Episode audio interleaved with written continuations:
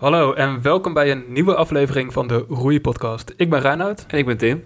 Ja, de tweede aflevering alweer. Superleuke reacties gekregen op de eerste aflevering. En dat uh, heeft ons gemotiveerd om uh, sowieso nog uh, een aantal afleveringen te maken. Dus daar kijken we enorm naar uit. in deze aflevering hebben we verder de voorzitter van de Ringvaart Regatta over het aflassen van de toertocht. Annemarie Bernhard over haar ervaringen bij de Roeibond en het EK. Matthijs Peters van Argo over het winnen van de 10.000 euro op de bestuursbokaal. En Jorien de Jong over teambuilding Orca en het organiseren van roeiclinics.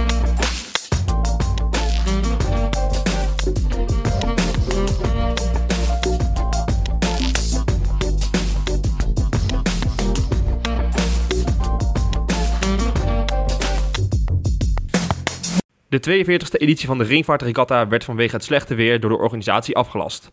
De vele deelnemers moesten de wedstrijd met een lengte van 100 kilometer aan zich voorbij laten gaan. Wij spreken Maaike Isabout, uh, voorzitter van de Ringvaartcommissie. Uh, Maaike, baal je? Uh, ja, heel erg. maar ja, het is niet anders, want het weer laat het niet doen en veiligheid gaat voor. Dus ik denk dat we een goede beslissing hebben genomen, maar het is wel jammer dat die er was. Ja, hoe is die beslissing precies genomen? Zagen jullie het al aankomen? Um, ja, de zondag voor het evenement. Het evenement was op woensdag. En die zondag uh, zag het er toch wel naar uit dat de weersvoorspellingen heel slecht gingen worden. En uh, dus toen was het een beetje ons hart vasthouden of het nog ging veranderen. En uh, langzaam maar zeker werd het steeds duidelijker dat dat er niet in zat. dus dat het niet door kon gaan. Ja, en waar ligt dan precies de grens? Hebben jullie een bepaalde kilometer per uur of regenverwachting dat het niet door kan gaan? Ja, het was uh, alles wat boven de windkracht 6 was, dan is het sowieso fout. Nou, en dat was, uh, het was de windkracht 6 en 7, dus dat was wel duidelijk. En uh, onder de windkracht 6 dan beroepen we ons vooral op onze adviseurs van de Kagerplassen onder andere. Waar, ja, daar hebben we iemand voor die daar veel meer van af weet hoe de situatie daar is dan wij zelf. Dus als het onder de, net onder de 6 zit, dan is het adviseurs en... En anders is het goed, maar boven de 6 dan, dan kan het sowieso niet. Ja, en wat zijn dan de risico's die groeiers lopen mochten ze wel het water opgaan met dat soort uh, omstandigheden? Uh, ja, hele harde windstoten waren er, dus je kan zomaar tegen de kant geblazen worden. Um, je kan tegen andere boten aangeblazen worden. Je kan vollopen met water. En als je in een klein nummer zit, in een skiff of in een twee, dan heb je niet heel veel ruimte om te hozen. Dus dan kom je niet verder. Nee, dus, nou ja, en als je dan te water raakt, dan is het natuurlijk wel helemaal, staan er weer allemaal gezondheidsrisico's bij. Uh, dus echt voor de roeiers en voor het materiaal uh, één groot ellende als, het, uh, als ja. er zo slecht weer is. Hoe waren de reacties die jullie hebben ontvangen van de deelnemers over het aflassen van de wedstrijd? heel lief eigenlijk. We hebben heel veel mailtjes gehad met mensen die zeiden wat rot en we vinden het allemaal heel vervelend. maar ook voor jullie natuurlijk, want wij hebben er ook een jaar gezeten en er is heel veel begrip voor. En iedereen vindt het een hele terechte beslissing. En ja, we hebben er echt heel veel mailtjes van ontvangen en dat is echt heel fijn om te horen dat ja, hoe stom het ook is, iedereen toch wel ermee eens is dat dit de beslissing is geweest. Ja, en zijn er, zijn, zijn er deelnemers die op een andere manier alsnog een alternatieve ringvaart hebben georganiseerd? Hoe, uh, hoe is dat gegaan? Ja, er zijn, er zijn een paar ploegen geweest die 100 eh, kilometer geërgometers hebben. Uh, ik heb ook een paar ploegen gehoord die dat nog gaan doen. Uh, heel veel deelnemers doen de ringvaart ook voor een goed doel. Dus dat is ook wel heel leuk dat ze daar dus nog gewoon mee verder gaan, maar dan op een andere manier. Uh, en volgens mij zijn er ook een aantal mensen van plan nog volgende week ergens een, gewoon echt een ver stuk te gaan varen. Dat zal nog geen 100 kilometer zijn, maar dat ze nog wel iets gaan doen. dat wisselt een beetje per, per deelnemers ook wat ze, wat ze willen en zo. Dus dat is wel heel leuk. Er zijn heel veel mensen wel mee bezig. Ja, en denken jullie nog na, nog na over een alternatieve datum waarop een officiële ringvaart nog geroeid kan worden? Nee, dat zou heel leuk zijn, maar dat is eigenlijk niet mogelijk. Zeker niet op de korte termijn. Uh, omdat we met vergunningen zitten uh, die gewoon tijd kosten om aan te vragen. En onze finishlocatie die is niet, ja, niet op een andere dag heel makkelijk beschikbaar. dus op de korte termijn kan dat niet. En als het dan op de lange termijn wordt, dan zouden we dus het hele riedeltje helemaal opnieuw moeten doen. dus dan wordt het gewoon volgend jaar. Ja, en gaan jullie nog door met dezezelfde commissie voor volgend jaar of is dit het? Uh, voor ons is dit het eigenlijk. Ja, we gaan volgend jaar weer allemaal leuk door met studeren. En uh, dan nemen onze opvolgers, die nemen het stokje over. Maar we gaan er wel volgend jaar uh, allemaal bij zijn om het dan wel mee te maken. Annemarie Bernhard maakt al jaren deel uit van de sterke Orca damesectie. Ze heeft al verschillende keren Orca vertegenwoordigd op internationale toernooien, zoals de Henley, de Head of the Charles en studenten-WK's. Dit jaar heeft ze een plek weten te be- bemachtigen bij, bij de bond en wist ze meteen brons te winnen op het EK. Annemarie, het was je eerste uitzending voor de bond. Eh, keek je hier erg naar uit? Ehm, nou, we hoorden het best wel kort van tevoren dat we eigenlijk mochten gaan. Maar ik denk een week of drie van tevoren. Eh, dus tot dan toe hoop je natuurlijk wel dat er een eh, uitzending in zit. Maar omdat we het zo vrij kort van tevoren wisten, kijk je er ook niet echt naar uit, want je weet het niet zeker. Ja, maar op het moment dat we hoorden dat we mochten gaan, was het natuurlijk wel gewoon wel van oké, wauw, we mogen nu echt naar het EK. ja. En dat is natuurlijk wel echt superleuk om, eh, om te horen, ja. Want hoe ging dat? Eh, er waren nog selecties eh, zo kort van tevoren? Nou ja, wat we, hebben natuurlijk wel het hele jaar door ehm, eh, selectiemomenten van de bond meegedaan. Dus hè, de helft van het noorden, de winterwedstrijden, Ja, de twee kilometer test de ergometer. Ehm, en ook een belangrijk selectiemoment was het eh, Nederlands kampioenschap voor kleine nummers. Ja. Dat ik in de twee zonder heb gevaren. En eh, mede op basis van dat ik al die meetmomenten goed heb gedaan, eh, heb ik een plekje bemachtigd in de vrouw vier zonder. ja, ja supermooi natuurlijk. Ehm, Ja. Zo'n Europees kampioenschap, kan je beschrijven hoe dat, hoe dat eraan toe gaat? Hoe was de sfeer bijvoorbeeld? Ja, het is best wel bijzonder, omdat je natuurlijk toch met een hele grote groep eh, Nederlandse roeiers daarheen gaat. Ja, Dus het begint al dat je dan op... eh, ja, het trainen is natuurlijk gewoon trainen in Nederland. En dat doe je natuurlijk eigenlijk... Eigenlijk ga je gewoon roeien. Dat doe je natuurlijk gewoon ook op Orca ook. ja, Maar je merkt op het moment dat je dan je kledingpakket krijgt met al je Nederland pakjes. En dan ga je vervolgens ga je met die hele grote groep roeiers ga je met naar Schiphol. En dan merk je wel van, oh, dit is wel... is natuurlijk best wel vet dat je daar met al die roeiers staat. Allemaal grote mensen. ja, en op het moment dat je dan naar zo'n EK toe gaat, dan, eh, dan merk je wel dat daar, zij lopen al die landen rond en iedereen wil daar natuurlijk heel graag goed presteren. ja, En dan bij het warmroeien merk je al van, oh, Italië, daar moeten we straks tegen roeien. Of oh, Roemenië, dat eh, ben benieuwd hoe hard die gaan. Dus dat is dan toch wel net eh, een hoger niveau van wat je, wat je in Nederland tegenkomt. ja. Heb je dan ook nog een andere spanning dan bij normale wedstrijden? Nou, eigenlijk op het moment dat ik dan... Ik was natuurlijk wel zenuwachtig, want je wilde gewoon graag goed doen. Ja, Ehm, maar op het moment dat je daar dan, ik weet niet, op het moment dat ik dan in de boot stap, dan heb ik ook gewoon een taak eh, die ik moet uitvoeren, namelijk gewoon goed roeien. En eigenlijk, eigenlijk valt er dan voor mij altijd wel een soort van spanning van me af. Omdat ik dan gewoon denk, nou dat roeien, dat heb ik zoveel geoefend. Dat eh, moet ik nu gewoon eigenlijk niet anders doen dan anders. Dus ik ben dan wel zenuwachtig, maar op het moment dat ik eigenlijk in de boot stap, of dat nou is voor een training of voor een wedstrijd, dan, dan valt dat altijd wel van me af. oké. En eh, hoe ging eh, de finale race uiteindelijk? Zijn jullie tevreden? Ehm, de finale race, nou, het is natuurlijk wel heel vet dat we brons hebben gewonnen. Maar ik denk wel dat onze finale race eh, nog wel, ja, onze voorwedstrijd ging eigenlijk nog net ietsje beter dan onze finale race. Dus dat is dan toch wel jammer, want het liefste laat je wel op het moment dat het moet je allerbeste roeien zien. Ja, Eh, en ik denk dat dat wel, het ging best wel oké, maar het kan, we hadden denk ik nog beter gekund. Eh, dus dat is, dat is wel jammer. Maar het is natuurlijk wel, als je dan over de finish komt en je hebt een bronzen medaille, is dat natuurlijk op zich wel gewoon echt heel leuk. Dan mag je aanleggen bij het erevlot en dan mag je op het podium. Dus ja. Ja. Het is natuurlijk, eh, de vrouwen eh vierzonder is natuurlijk een eh, nieuw Olympisch nummer vanaf de komende Olympische Spelen. Betekent dat dat we jou over vier jaar kunnen aanmoedigen in Tokio? ik hoop het. Dat is wel de bedoeling natuurlijk. Dat is wel waarvoor we het uiteindelijk doen. Ja, Maar of dat uiteindelijk in de, in de vierzonder gaat zijn of in een ander nummer, dat, dat is nog nu best wel ver weg. Maar ik denk wel dat dit een mooie eerste stap is om weer ervaring op te doen. En om het te laten zien, zowel aan de bondscoaches als aan de rest van Nederland. Dus ik Ja. hoop het. Eh, dit was je eerste uitzending voor een, eh, of in ieder geval als eh, voor een senioren WK of Europees kampioenschap. Ehm, hoe, ja, je hebt net al uitgelegd dat al die meetmomenten er waren. Hoe, is, hoe wordt het uiteindelijk benaderd door de bondscoach? Ehm, en hoe gaan vervolgens precies die, dat proces naar, naar, het- naar een plek bemachtigen in de boot? Ja, ik, ehm, ik had een Nederlands kampioenschap geroeid. En toen, eh, nou ja, we, we wisten natuurlijk wel, we hadden natuurlijk wel een beetje gehoord van waarschijnlijk gaat er na de Nederlands kampioenschap iets gebeuren. Eh, maar dan, eigenlijk heb je nog niet echt een idee of je dat dan meteen gaat horen of dat het een paar dagen gaat duren. Ehm, maar op zondag waren de Nederlands kampioenschappen afgelopen en toen werd ik eigenlijk maandag eh, gebeld door de bondscoach van joh, we willen een vier maken en jij bent een van die vier dames. Dus eigenlijk was dat heel informeel. Eh, ik werd gebeld en ze zeiden, wil je dat doen? En toen zei ik, ja, dat wil ik. En toen zei ze, nou mooi, eh, eh, overmorgen verwachten we je om die en die tijd in Amsterdam. Oh, nou, dat lijkt me een vrij leuk telefoontje. Zeker, ja, Ja. zeker. Ja, dat, ja, je ziet natuurlijk het nummer van de bondscoach hier op je telefoon staan. Dus dan denk je, oh, nou, dat ben benieuwd wat, wat hij te zeggen heeft. Dus ja, eigenlijk heel simpel. Ja.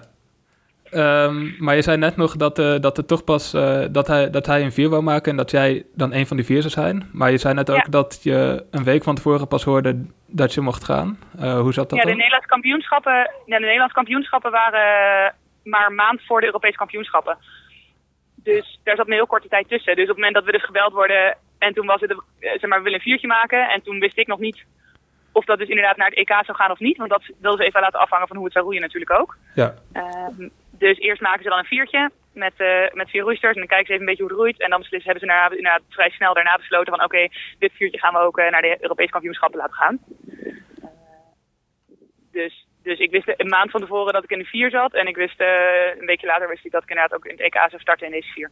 Je zit nu tussen twee bondstrainingen in. Um, hoe, uh, hoe ziet je seizoen er verder nog uit? Uh, ik, ja, dat, uh, als ik het zou weten, dat...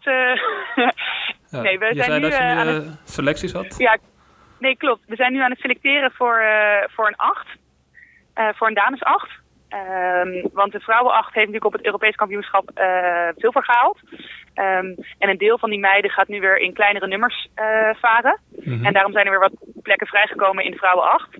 Uh, en dit weekend uh, zijn we aan het selecteren uh, voor die laatste plekjes in de vrouwenacht. En afhankelijk van hoe we dus dit weekend doen, hoop ik een plekje in die vrouwenacht te krijgen. Ja. En, en, die acht zou dan naar Henley gaan. Dus dat is de wedstrijd in Engeland. Oké. Okay. Dat, waar Orca ook vaak boten heen stuurt. Ja, zeker. Ja, dat, dat en, zou erg vet zijn natuurlijk. Ja. Oké, okay, dus dat is nog even spannend. wordt dat meteen bekend morgen?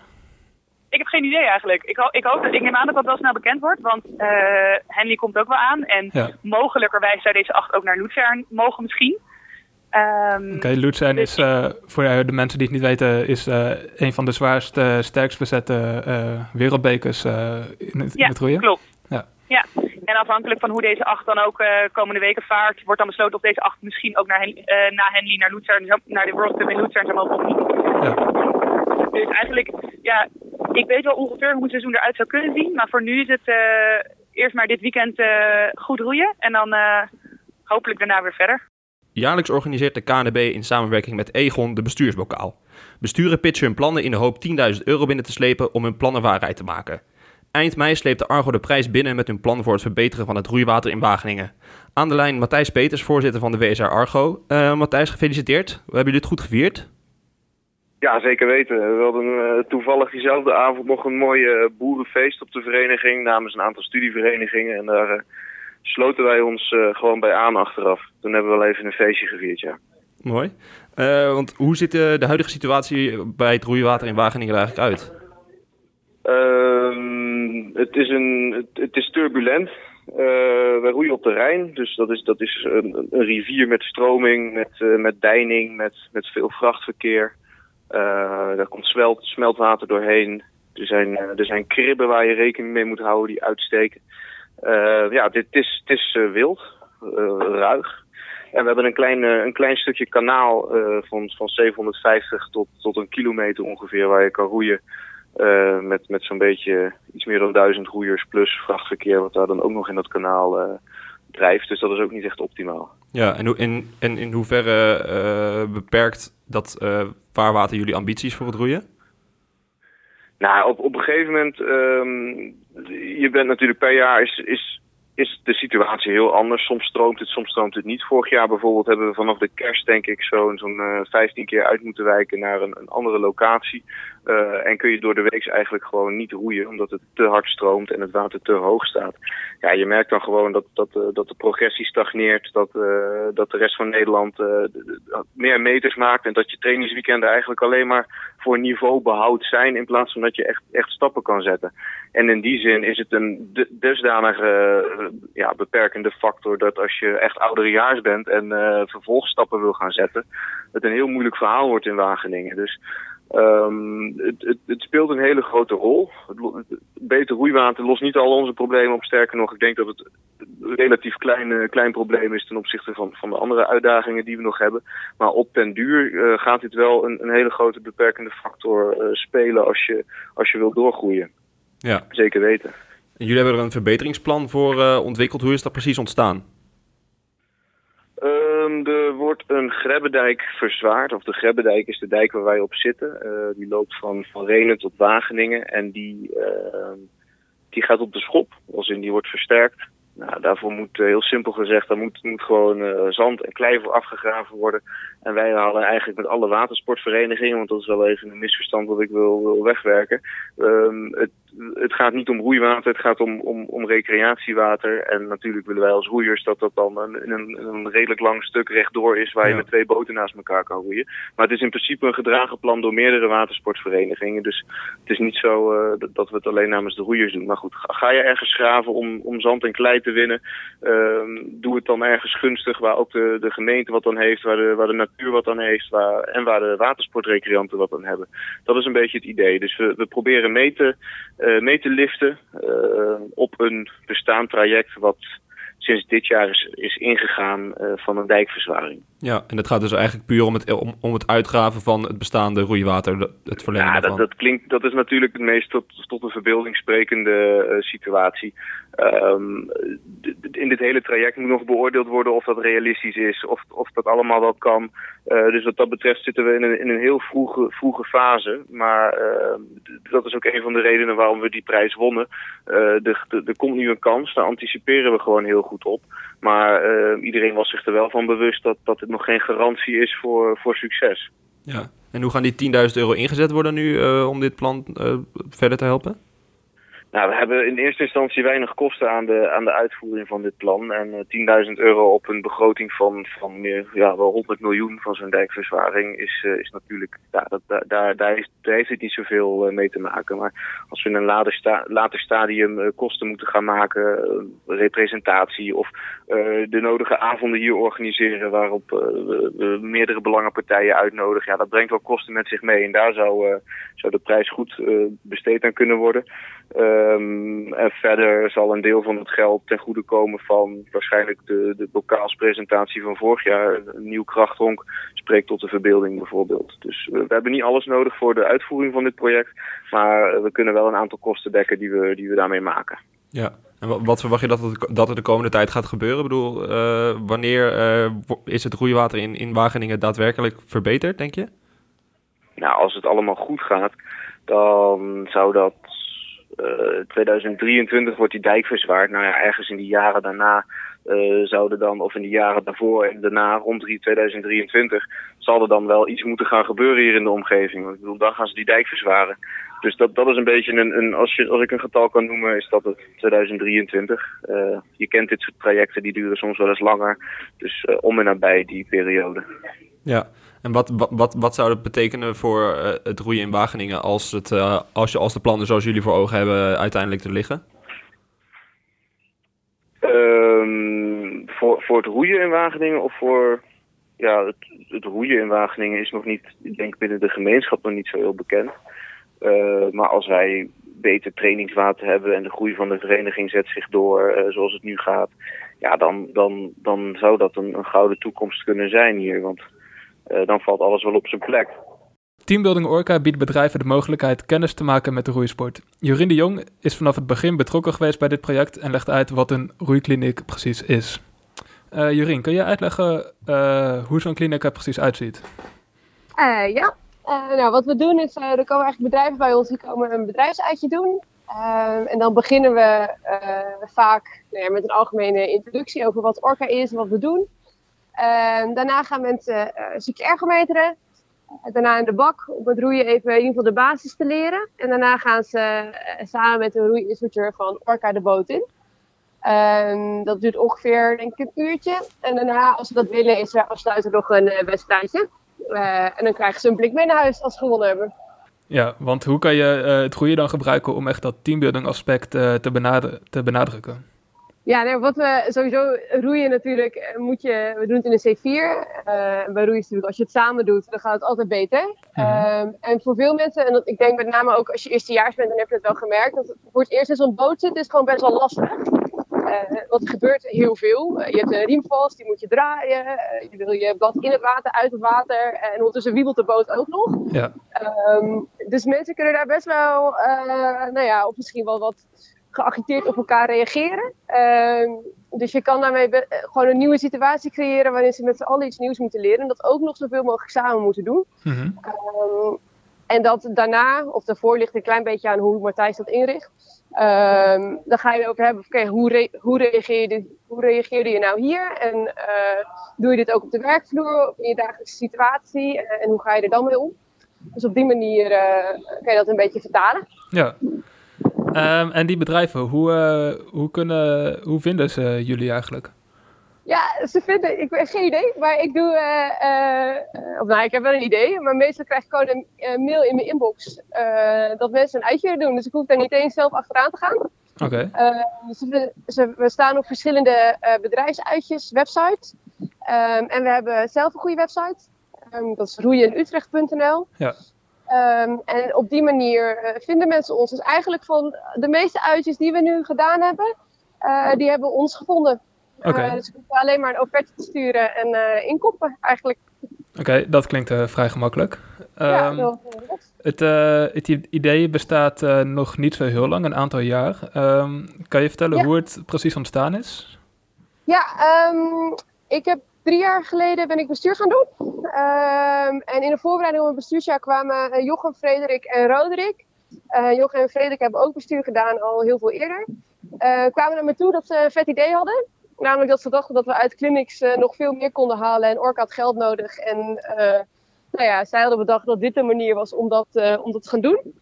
Ehm, dus dat heb ik samen met hun in mijn bestuursjaar hebben dat uitgewerkt. Samen met Sofie ook, toen vicevoorzitter was. Ja. Ehm, en sindsdien hebben we dat eigenlijk eh, gewoon steeds verder uitgerold. Vorig jaar was het eerste jaar dat we het eh, voor het eerst deden. En dit is dan het derde jaar dat het, dat het nu zo werkt. En dat gaat eigenlijk best wel goed. Ja. Dus dat is leuk. Veel, veel, veel clinics, dus dat is top. En eh, hoe ziet de organisatie precies uit? Is er een vast eh, team of kunnen mensen ook per kliniek eh, meehelpen met een aantal aspecten? Of, Ja, ehm, nou we hebben ehm het Teambuilding Orca, dat is zeg maar een stichting buiten Orca. Ehm. Dus we regelen alles zelf, het bestuur van Orca. Dus Machtel doet wel dingen, maar het idee is dat, het, dat die stichting en dat bestuur, dat die het meeste werk doet. Dus daar zitten, het bestuur zitten Jochem, Jochem, Sander en Frederik en Chris Berendsen nu in. Mhm. Ehm, nou, die hebben twee mensen in dienst. Ik ben daar eentje van. En wij organiseren. ehm, ik doe nu de organisatie en de sales van de clinics. En dan heb ik op Orca nog een commissie, Team TBO. eh, met Rin, Chantal, eh, Wolfert en Nick. En die helpen mij bij de clinics. En dan heb ik ook nog een pool van eh, helpers daaromheen. Oké, En die mail ik dan gewoon elke clinic. En, maar mocht iemand heel graag willen helpen of het superleuk vinden, dan kun je me altijd mailen. En dat was alweer de tweede aflevering van de Roei Podcast. Bedankt voor het luisteren. Wil je op de hoogte blijven? Eh, abonneer dan even op iTunes. Als je naar de, naar de iTunes podcast app gaat of welke podcast app dan ook en je typt Roei Podcast in, kun je abonneren. Blijf je op de hoogte en mis je geen enkele aflevering. Tot ziens.